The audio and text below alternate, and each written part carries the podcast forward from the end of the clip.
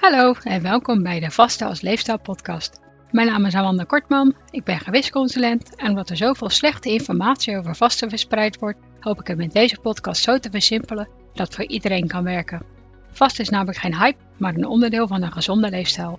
Je vast al wanneer je langer dan 12 uur niks neemt dan het vasten stopt, dus het is makkelijker dan je denkt.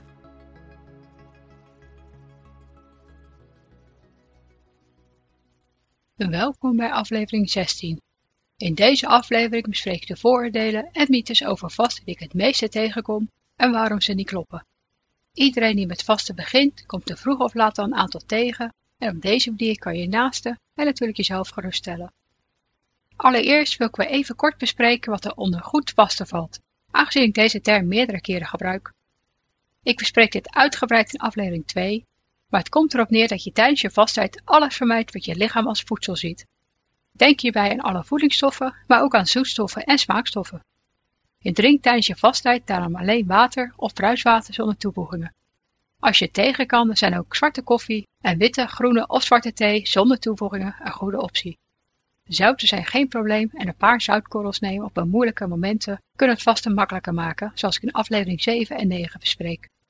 Hiernaast vast je niet te lang, maar ook niet te kort, zodat je alle voordelen van het vasten krijgt zonder dat je lichaam het als een te grote stressor ziet. Zo werkt vasten onder andere ontstekingsremmend, bloeddrukverlagend en energieverhogend, maar zorgt te veel vasten ervoor dat je te gestrest en uitgeput raakt.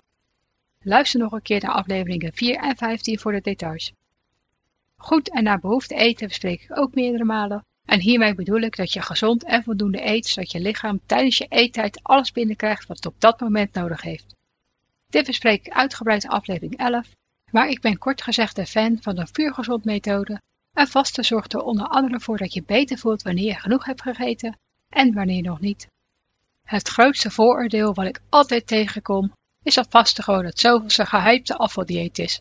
Sommigen noemen het zelfs een hongerdieet en in extreme gevallen zelfs een eetstoornis, doordat ze niet weten hoe het werkt. Vasten is natuurlijk geen dieet, maar een leefstijl die je makkelijk kunt volhouden, zolang je goed naar je lichaam luistert, zodat je intuïtief eet en goed vast. Er zijn er ook maar weinig vasters die ermee stoppen zodra ze hun streepmaat bereikt hebben. Ze voelen zich gewoon veel beter zolang ze blijven vasten. En daar ben ik helemaal mee eens. Afvaldiëten zorgen daarentegen vaak alleen maar voor veel stress en het yo-yo-effect. Doordat diëters volgens de dieetregels haast obsessief op hun calorieën of bepaalde voedingsstoffen moeten letten, leren ze niks over wat een gezonde leefstijl nou eigenlijk inhoudt, waardoor ze na het dieet weer aankomen. Ik moet er ook de persoon nog tegenkomen die zegt dat het dieet wat ze volgen zo fijn is dat ze er de rest van hun leven mee door willen gaan. Als je vast, dan kan het natuurlijk betekenen dat je minder gaat eten. Maar het hoeft niet. Door normaal te eten, met drie maaltijden en drie tot vier tussendoortjes, zorg je er al snel voor dat je net iets meer binnenkrijgt dan je eigenlijk nodig hebt. En zullen de pondjes door de jaren heen langzaam opstapelen. Hierdoor volgen veel mensen het een na het andere dieet om nog enigszins op gewicht te blijven. Of ze geven het in pure frustratie op en eindigen met te veel ongezonde en belemmerende kilo's. In mijn blog Oorzaken van overgewicht bespreek ik hoe overgewicht door de jaren heen kan opstapelen. Als je vast is het natuurlijk een stuk makkelijker om op een gezond gewicht te blijven, zodat je hongerhormonen stabiliseren en je veel minder snel te veel eet. Vast is ook geen eetstoornis. Het blijft alleen wel belangrijk dat je de balans tussen goed vasten en eten bewaart en niet overdrijft met je vasturen, zoals ik ook in aflevering 15 bespreek. Geef je lichaam de tijd om tijdens je vasttijd, door middel van verhoogde autofagie, overtollig celafval op te ruimen en te recyclen. En om tijdens je eettijd je lichaam weer extra goed op te bouwen met de vernieuwde celonderdelen en met de voedingsstoffen die je toevoegt door goed te eten. Te veel autofagie is tenslotte ook niet goed, dat er dan meer afgebroken wordt dan er opgebouwd kan worden. Dit voel je gelukkig vanzelf, dus luister altijd goed naar je lichaam. Als je in het verleden een eetstoornis hebt gehad, dan moet je natuurlijk wel heel erg voorzichtig zijn met vasten en ik zou het zonder begeleiding hooguit bij het 14-10 houden, zoals ik ook in aflevering 5 bespreek. Lees mijn blog genaamd Eetstoornissen eens door als je meer wilt weten over de verschillende soorten eetstoornissen. En vast hoort hier dus niet bij, maar kan er wel voor misbruikt worden. Over de stofwisseling, ook wel bekend als het metabolisme, bestaan een paar grote mythes die ik ook maar al te vaak tegenkom. De stofwisseling is het proces van de aanvoer van bouwstoffen en de afvoer van afvalstoffen met het produceren van energie als doel. Oftewel, door te eten en te drinken krijgt je lichaam energie binnen om alles te kunnen doen en wat er niet gebruikt wordt, wordt via de ontlasting en urine afgevoerd. De stofwisseling wordt dus onder andere beïnvloed door wat en hoeveel je eet en drinkt, maar ook door hoeveel je beweegt, hoeveel spiermassa je hebt, je leeftijd, hormoonbalans, erfelijkheid en lengte. Als je een lage stofwisseling hebt, zou je eerder aankomen dan wanneer je een snelle stofwisseling hebt, doordat er minder energie verbrand kan worden en er daardoor meer energie als lichaamsvet opgeslagen wordt. Volgens de mythe zou vasten slecht voor je stofwisseling zijn, moet je iedere 2 tot 3 uur wat eten om je stofwisseling op gang te houden en is je ontbijt de belangrijkste maaltijd van de dag omdat je stofwisseling op gang brengt. Hier klopt gelukkig niks van zolang je goed vast en eet. In onderzoeken zien ze juist dat de stofwisseling van vasters versnelt tijdens het vasten. En tot een uur of 72, langer hebben ze niet gemeten, is deze hoger dan toen ze begonnen. Caloriearme diëten daarentegen wel een uitstekende manier om je stofwisseling te verlagen, doordat je lichaam denkt dat er een hongersnood is en daarom je stofwisseling ter bescherming omlaag schroeft. Hierdoor gaat je lichaam in de spaarstand om te voorkomen dat je te veel afvalt, zodat je de hongersnood langer kunt overleven. Het kan jaren duren voordat je stofwisseling weer herstelt en dit zie je goed terug in de studie genaamd Persistent Metabolic Adaptation Six Years After the Biggest Loser Competition. In deze studie hebben ze zes jaar na deelname in de televisieshow The Biggest Loser de stofwisseling van de deelnemers nog een keer gemeten. En hieruit bleek dat ze nog steeds een lagere stofwisseling hadden dan je zou verwachten gezien hun gewicht, geslacht en leeftijd. Dit zorgt ervoor dat ze dagelijks zo'n 500 calorieën minder konden eten om toch op gewicht te blijven. En de meerderheid was weer flink aangekomen. Nu is meedoen aan zo'n televisieprogramma natuurlijk een extreme manier om af te vallen. Maar ik heb cliënten gehad die hier duidelijk last van hadden, doordat ze jarenlang hadden gedieet en telkens weer aankwamen. En vaak wel meer. Dit noemen ze ook wel het yo-yo-effect. Ik adviseer vasten, en dan vooral ADF en MADF, dan om deze cliënten te helpen hun stofwisseling weer te herstellen. Door vastdagen, met of zonder kleine maaltijd van 500 calorieën, af te wisselen met normale dagen, waarin je 2 tot 3 goede maaltijden eet binnen 6 tot 12 uur, geef je stofwisseling weer een flinke boost zolang je echt naar behoefte eet. Luister aflevering 3 nog een keer als je ook het idee hebt dat je stofwisseling verlaagd is en dit wil proberen. Er zijn ook veel verhalen over tussendoortjes en het versnellen van je stofwisseling. En hoewel tussendoortjes een handige manier zijn om aan je dagelijkse hoeveelheden te komen, zorgen ze er ook voor dat je sneller te veel eet. En worden ze tegenwoordig daarom juist afgeraden. Je kunt zolang je wilt afvallen daarom beter geen tussendoortjes nemen en je maaltijden desnoods wat groter maken, zodat je iedere maaltijd naar behoefte eet en geen tussendoortjes nodig hebt. Neem dan ook alleen tussendoortjes als je net als ik je vast schema aan wil houden en niet verder wil afvallen, zoals ik ook in aflevering 13 bespreek. Of als er natuurlijk een speciale gelegenheid is, want vasten moet tenslotte wel een leefstijl blijven. Het ontbijt is verder alleen de belangrijkste maaltijd van de dag, omdat de onderzoeken naar vooral gesponsord zijn door de voedingsindustrie. Hiernaast is er aan de niet-ontbijters niet gevraagd wat ze s ochtends in de koffie doen. Of dat ze s ochtends echt niet ontbijten. En dat ze niet bijvoorbeeld snel muesli pakken die ze onderweg opeten. Als je alleen al die twee dingen meeneemt, blijft er nog maar weinig over van het feit dat je moet ontbijten en minimaal drie maaltijden per dag moet eten.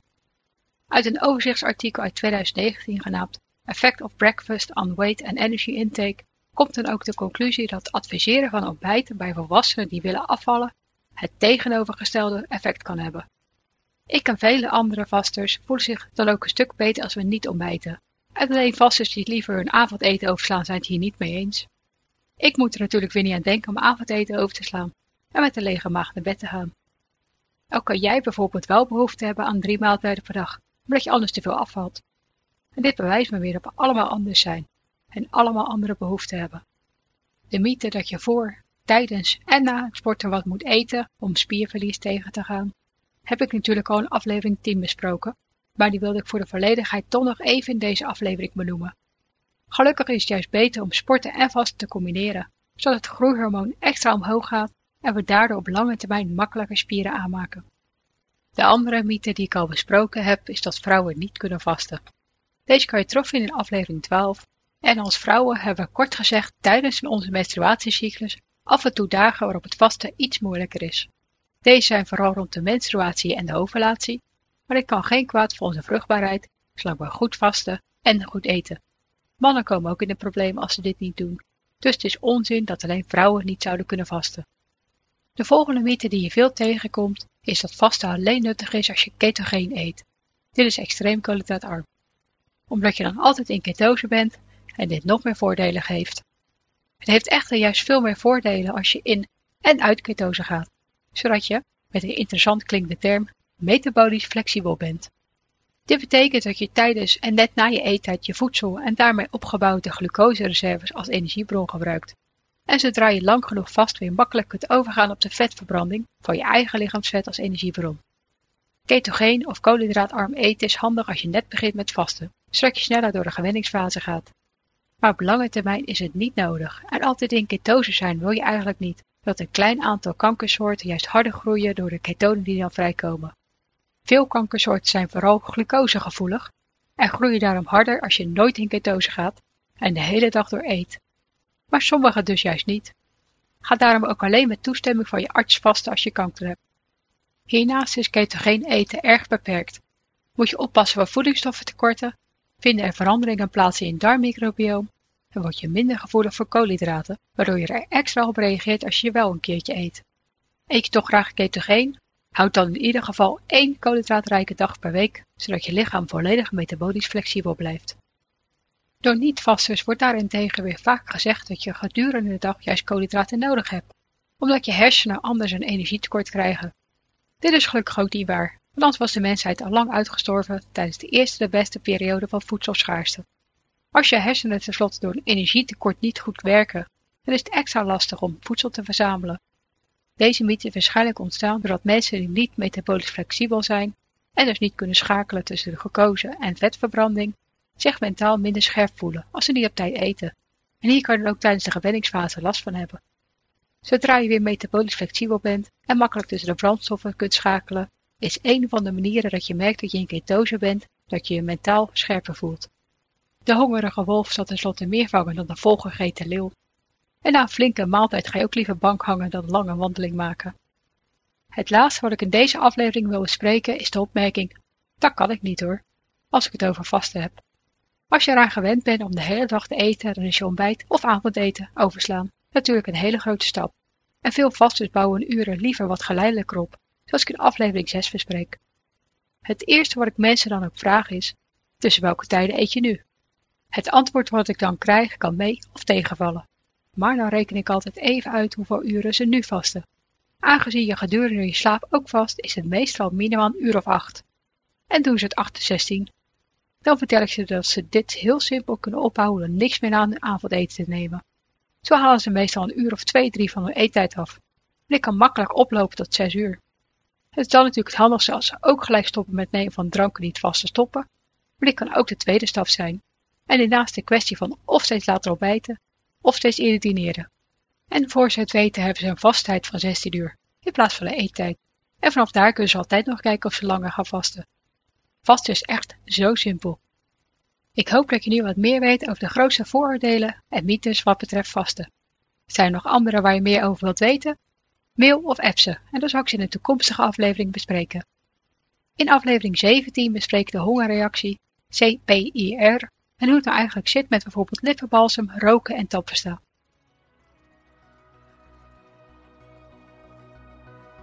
Bedankt voor het luisteren en vergeet niet dat je de onderwerpen en bronnen altijd in de omschrijving van de aflevering kunt vinden.